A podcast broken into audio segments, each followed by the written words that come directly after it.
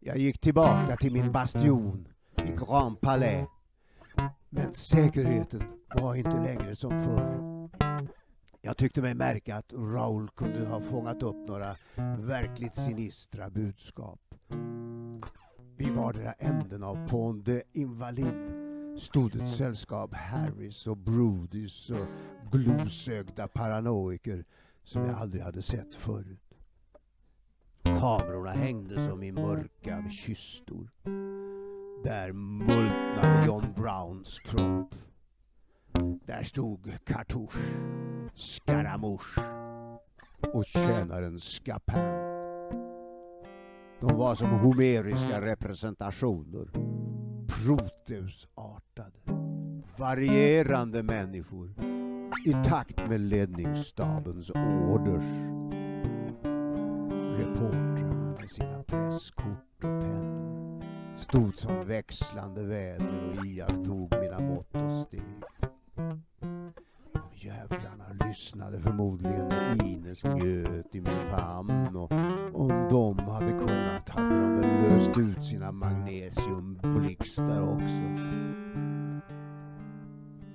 Jag mötte mina närmaste på hotell Maurice om fredags eftermiddag.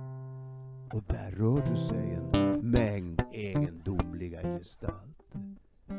Jag gled förbi men inte ens min vanlighetsförklädnad räckte längre. Det verkade vara både en och annan obehörig som kände igen mig. Vi bestämde att mötas i Berlin på söndagen. Rydbeck och jag skulle ta samma flygplan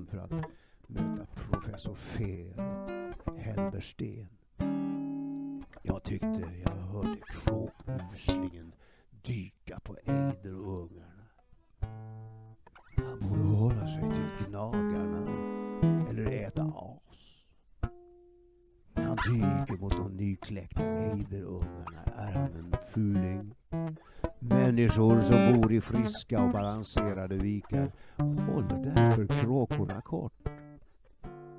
Håll kråkorna kort och ormen stången. Det är min enkla herdedogm när det gäller affärer, viskade jag till pappa vid en av våra traditionella julmiddagar. Hela familjen samlades åtminstone en gång om året det var till jul. Vi bör inte lämna guldmyntfoten, sa han just när mamma satte upp en lysande guldstjärna i julgranstoppen. Ja, det är ju en ren illusion att guld skulle ha evigt och stabilt värde.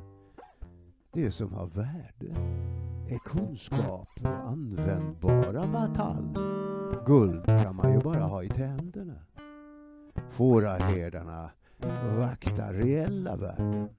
Riksbankschefen vaktar en illusion. Pappa kunde inte annat än skratta. Du har lagt fina stjärnor både på Biblioteksgatan och Place Vendôme. Tre heliga stjärnor att följa för herdarna. Du bidrar med ett öre per tandsticksask till sjukvård och omsorg om fattiga. Ja, visst, det är en självklar storkapitalistisk plikt att visa omsorg. Men min herdedogm verkade vara svårgenomförd. På något vis verkade det som om det hade flugit upp både skarvar och kråkor ur Dreyfusbanken och det verkade vara några som fortfarande flyger i spiral över Petersplatsen. Jag vet inte varför det samtidigt ska behöva kännas som om ormen får in en hugg. Eller är det en sikaris dolkstöt? En Alazeloters eviga agent. Girig rövare av liv och guld.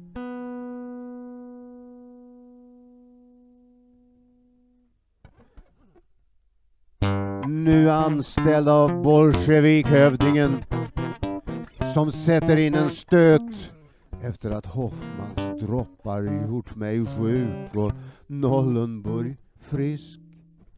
Kamrererna från Lyon ger mig inte längre någon kredit trots att jag har mer guld i Boliden än de någonsin har sett och Hugo stenknäck står med tändsticksasken i högsta hugg.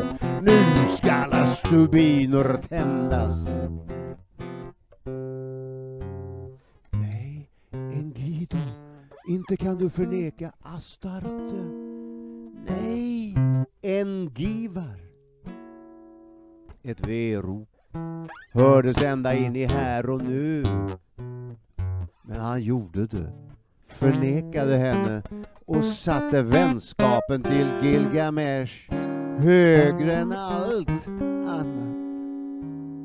Vänskapen högre än kärleken. Oh, ve. Ve-ropet skallade från kvinnorna kring kärlekens tron. Där Astarte i högsätet anspänt följde skeendena. Eller var det telegrampojken som gick?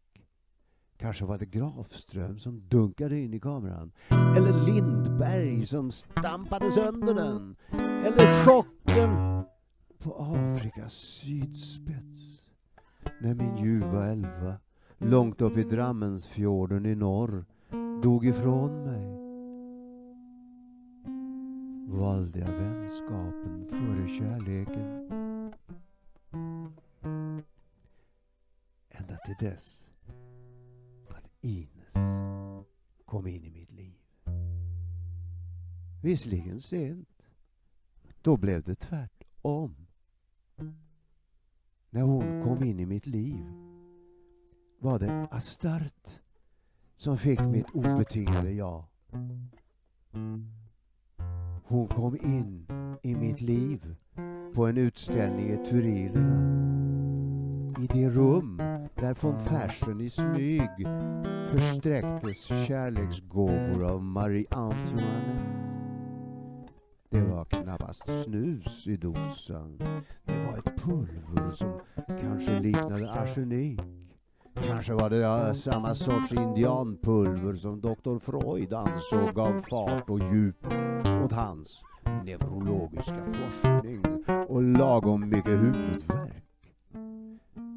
Det var många egendomliga indianpulver i omlopp, både i Wien och Berlin. Nationalsocialisterna hade möten med urartade individer på nattklubbarna och skiftade dosor. Det smögs och viskades om pulver som gav övermänskliga krafter. Pulver som kunde göra vanliga människor till hjältar. Pulver som kunde hålla otränade fåntrattar vakna längre än Charles Lindbergh när han flög över Atlanten. Det var krigets pulver, krutliknande. Högre, högenergetisk. Det var givetvis så att dessa hemliga och okända substanser läckte ut bland rövare och banditer. Bland attacksoldater och rånare. Det skulle bli full energis. Inom filmvärlden fanns människor med stor hunger efter visionär inspiration. Och där fanns också dessa pulver och piller.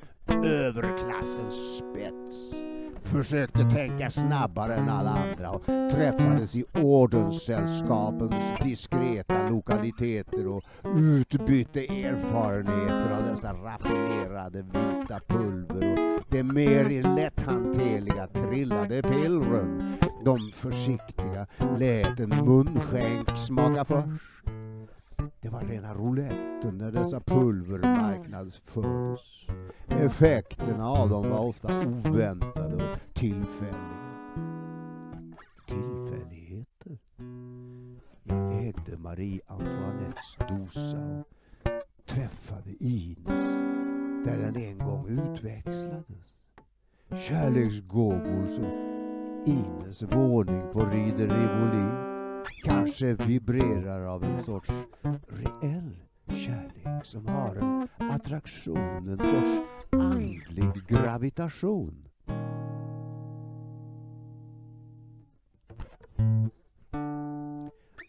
Alla utom Karin och några andra sötnosar blev glada för min skull när jag äntligen hade hittat rätt igen. Men det var inte mycket vunnet med det. En Guido stacks av en liten mygga. Som mygg fortfarande sticker ute på maremnan. Så stor och stark och rättskaffens han än var fick han en feber och dog ung. Och det var straffet för att han valde vänskapen före kärleken. Jag sade ja till Men blev stungen ändå. Och vem är jag då stungen? Vem fick mig att se dessa syner? Ja, inte kunde det väl vara någon av vännerna? Var det mademoiselle Barrault? Allt för mycket släkt med Jacques Barrault för att vägra förgifta mig. Fredrik Bugge visste det mesta om kretsen kring Daniel Dreyfus men kanske missat någon detalj. René Charon visste också någonting men ingenting sa han om förskräckliga barns giftkulor. Giftkulor mitt i Paris. Vad var det doktor Bove hade för diagnos på min förkylning? Magsår. Vilken filur. Kapten Wickman var väldigt upprörd. Otto Busse helt i förvirring tycktes det. Sergej Gannet var vid sina sinnen men dyster och nedstämd. Viktor Hahn isande tyst. Jag tyckte kaffet var gott och apelsinjuicen var god. Jag drack i lycka mitt frukostglas. Jag kände inte smaken av vit flugsvamp, inte något beskt pulver heller. Jag var kanske för snuvig. Jag lät min hand smeka innanför nattlinnet. Hon lät mig känna henne igen. Vi kunde nästan göra om det baklänges och känna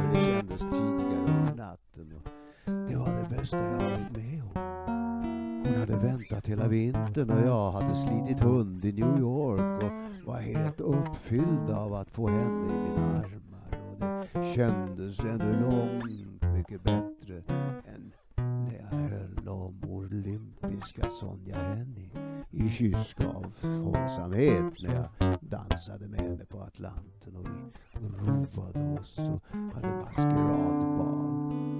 Hon hade stora och uppenbarligen djupt mycket välgrundade planer att omsätta sin färska världsberömmelse och sina olympiska guldmedaljer i filmens värld. Och jag lovade att hjälpa henne med det. Så som jag en gång hjälpte Greta Garbo och vi bestämde att hinna äta lunch i Paris innan hon for vidare till Oslo.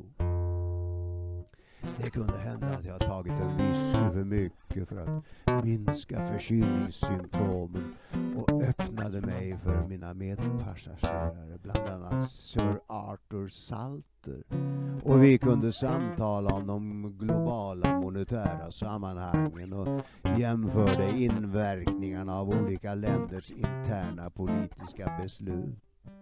Han var korporativist och menade att fascismen visserligen också skulle göra revolution men inte som bolsjevismen genom att förstöra allt utan genom att ta vara på existerande förutsättningar. Den ena stat och kapital och respektera Gud eftersom min fiendes fiende eh, var min vän lät jag honom lägga ut texten.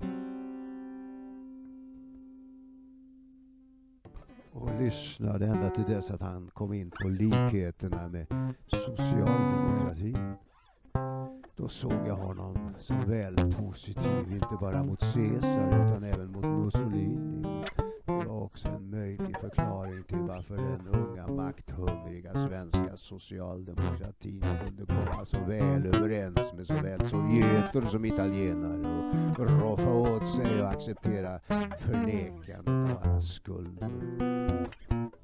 Det kanske var det statliga inblandandet som var kärnproblemet men något måste reglera folkets välfärd också så länge man inte tog sitt privata ansvar som vår koncern gjorde med Solstickan, med monopolavtalen, med rekonstruktionen och den olympiska optimismen. Jag ville inte vara förkyld när jag träffade dansade med Sonja och drack ännu mer whisky. Medicinen fungerade. Jag fick genom intensiv tango och en ångande svettning stopp på halsontet och mådde klart bättre efter maskeraden ombord på Ile de France än innan. I motsats till den roll jag spelade där som Gustav den tredje. Jag fick lånat en peruk och en synnerligen enkel ögonmask på en pinne av Sir Arthur. Vad i hela friden har du fått tag på den där? Ur maskeradlådan i foajén, svarade Sir Arthur. Sonja ska vara en ängel med små vingar på ryggen. Och Mr Durand ska ta på sig en tåga och vara Caesar. Jag trodde det var du som skulle vara Caesar. Nej, jag är kung av England, som den royalist jag är. Ja, då är vi bägge kungar. Ingen undgick att se min likhet med den svenska kungen som gick mot sitt operabarns öde. Det var hårda tider. Konspiratörerna hade sina randiga skäl och ironiskt nog likaså det som ville ha fred 1718. Fred och karoliner var aldrig något som gick riktigt bra ihop. Det fanns kanske en del karoliner som levde vidare i fredlig skepnad. Hur står minister Ehrensvärd? Är det han som ringer och ger klartecken med en frisk kontoinsättning? Eller är det Dreyfus med sin speciella relation till Novashi, Arens och Jelanski? Dirigenten själv med sin fula pipa suger kubansk tobak eller tänder en herzegovina flor och väntar som en katt. En snöleopard. En kaukasisk fantom som rymmer från ett av tsarens sibiriska fångläger och till fots lyckas ta sig genom flera hundra mil taiga och återvända till sin georgiska hembygd och där ta revolutionärt kommando efter att ha skaffat rörelsekapital genom en rad råa bankrån och 20 år senare bli de facto sovjetisk diktator vad än den förskönade kommunistiska traktaten gick ut på om folkets bestämmande rätt genom att skicka Trotskij, Kamenev, Zinovjev ut i kylan. Han passade också på att lättare låta giftmörda sin bästa doktor, professor Bechterew, som var en av världens ledande hjärnforskare under 20-talet, bara för att denne hade sett honom för djupt i ögonen under en konsultation i Kreml.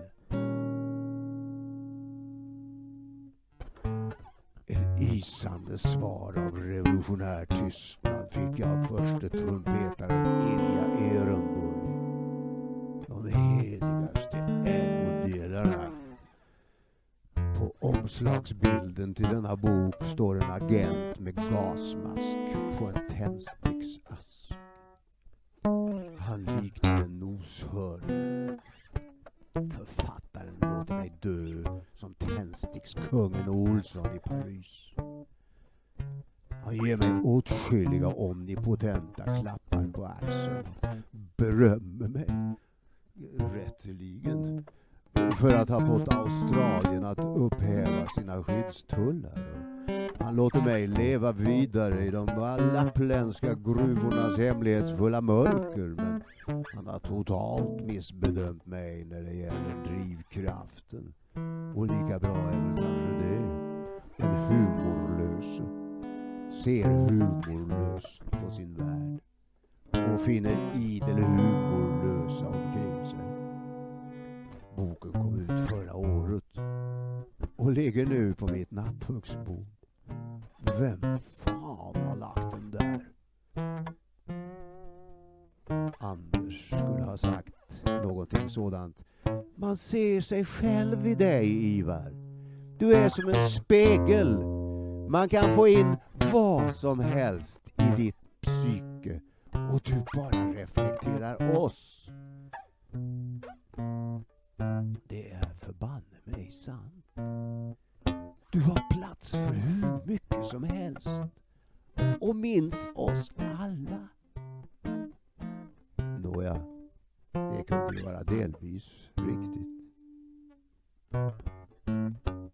Jag minns plötsligt när jag träffade ingenjör Leland Summers hos Bernard Baruch och han kom in på likheten mellan Robert Spierre och Stalin.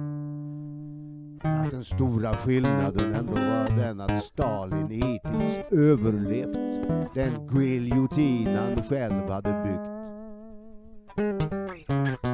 Vi tillämpade inte dödsstraff i vår tröst. Vilka hot vi än stod inför, sa jag. Summers gled förbi hela frågan med sydstatselegans. Självförtroendet hos Summers var inte dåligt. Och den energi han lyckades fokusera på att få fram toluol för TNT-tillverkningen var oerhörd.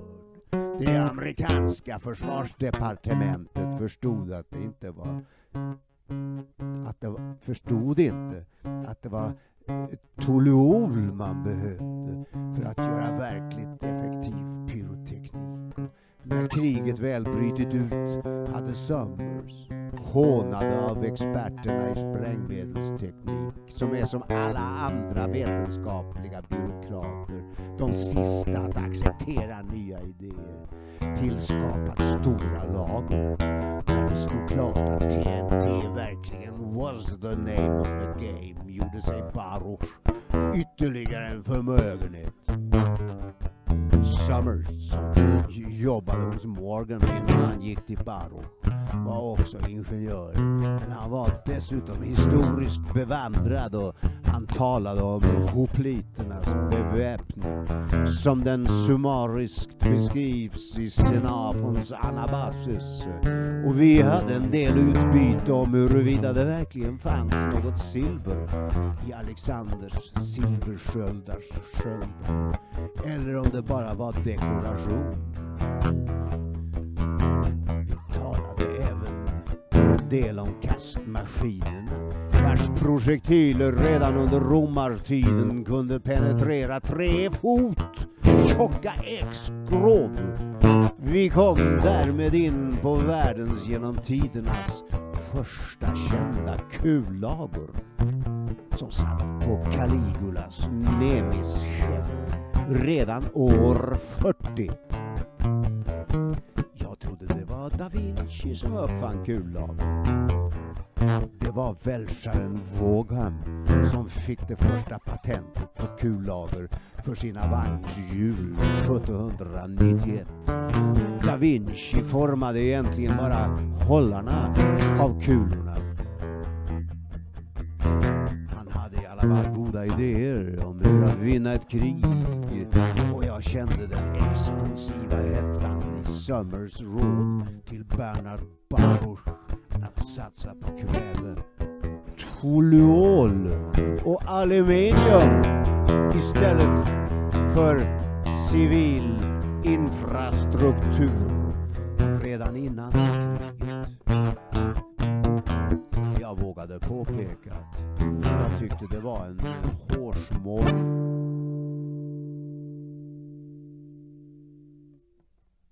cyniskt.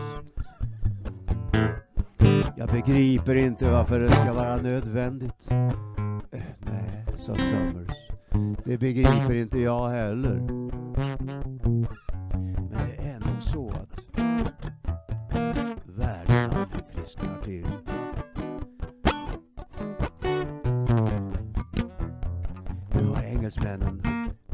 Fått fiender. Efter boerkriget har de i den stora allmänhetens ögon med ens förvandlats från att ha varit ädla civilisationer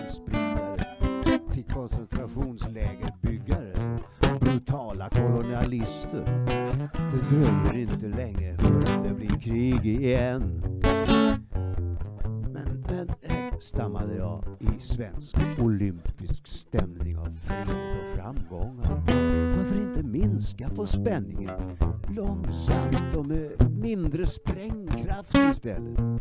Oh yes, Mr Kryger. I think you should attend the Feminist and Pacifist World Congress instead. Han log snett på vint och skötte i sig botläggd whisky ur den ådra som sprang upp just innanför den kanadensiska gränsen där Kennedy och Bronfman lagrade en allt mer utsökt whisky i väntan på frihetsdagen. Han skulle aldrig ha trott mig om jag berättat att jag verkligen lyssnade på flera av föredragshållarna vid dessa kongresser. Att jag deltog tillsammans med Ford i finansieringen av Women's Peace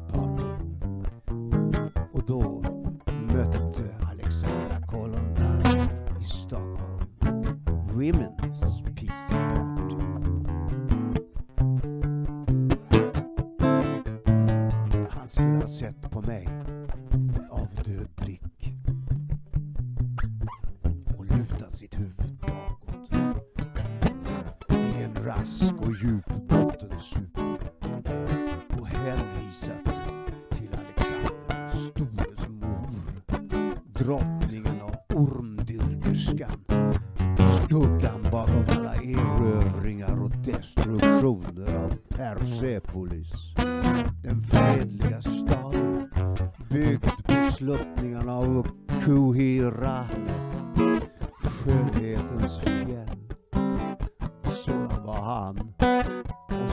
Sådana var många av irländarna som hade utvandrat och skapat sig fram på sydsluttningarna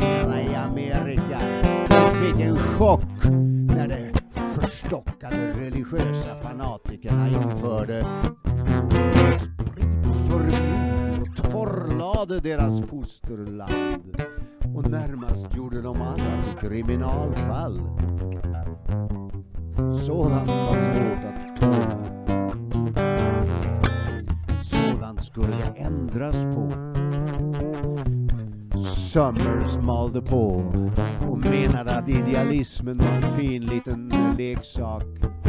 Men att verkligheten, förutom whisky, kräver Toluol.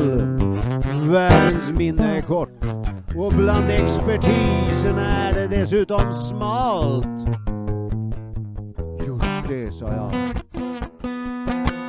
Påpekade att det kanske skulle skapa bättre förväntningar på världen och dess framtid om sådana som du satsade på konstgödsel istället för på TNT. Ja, det är samma sak, old boy. Det gör vi efter kriget. Först kriget, sedan när vi har gjort oss rika på det, fred. På vilken vi blir ännu rikare. Engineer tree. We do it. Kanske skulle Kennedys en gång i världen vända på steken det också med hjälp av sådana som Al Capone. USA skulle väl knappast klara av att odla dubbelmoral hur länge som helst. Någon gång skulle de säkert eh, upphäva förbudet.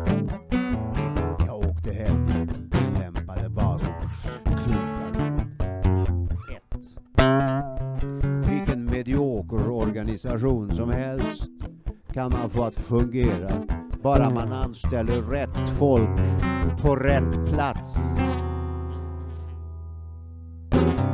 Två. Ett perfekt system med genial organisation kan gå åt fanders om fel folk bestämmer och arbetar där. Men istället för att satsa på granater satsade jag min energi på giftfria tändstickor.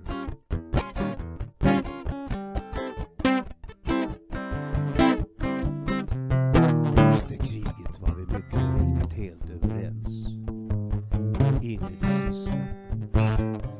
Baruch var en av de sista som gav upp sina stödköp när jag stupat. Och det var ungefär samtidigt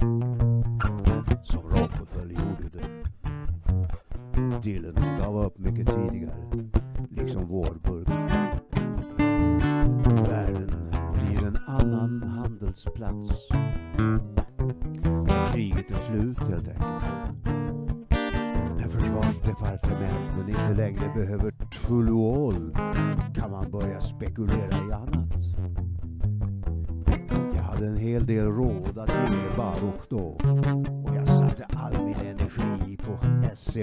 Cellulosan. Nu skulle boktryckerierna, tidningsförlagen sätta igång på allvar. Husmödrarna kommer att vilja ha sällstoff. Jag visade dem hur CA arbetade och snart hade vi ett stort stycke, ja faktiskt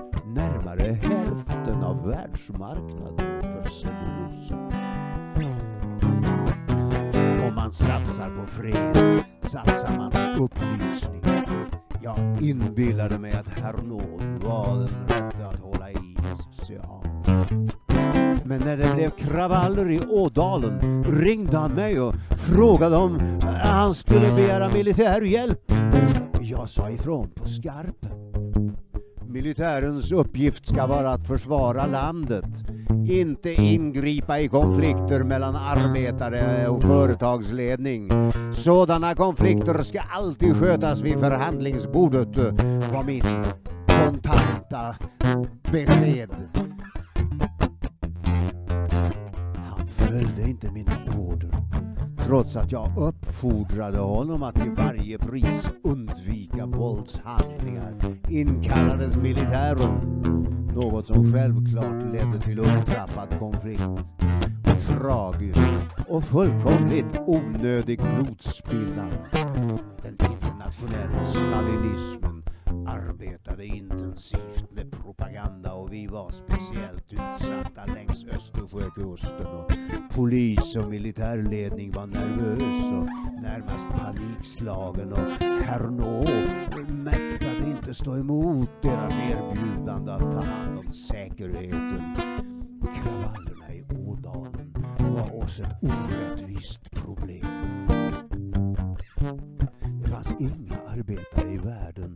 Som hade det bättre än våra. Det var just detta som stack Stalin i ögonen och han gjorde allt för att blåsa under den arbetaroro där den minst var berättigad. Det vill säga där kapitalismen fungerade fin, fin. Han hade stor hjälp i retoriken av sin ambassadör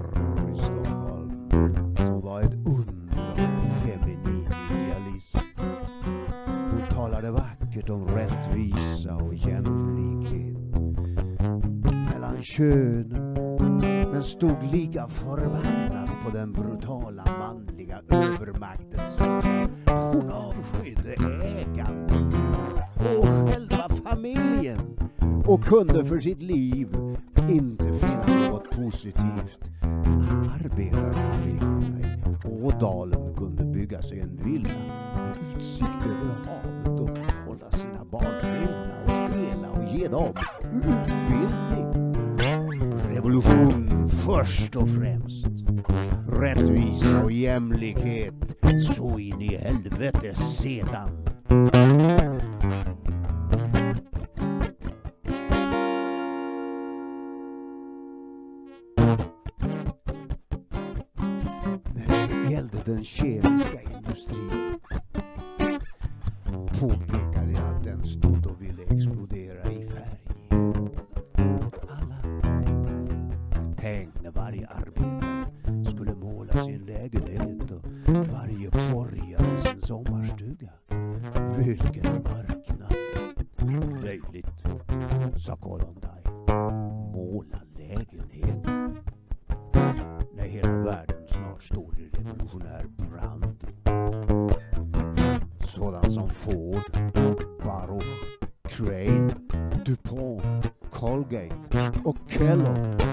Såg dock, likt mig själv, hur ting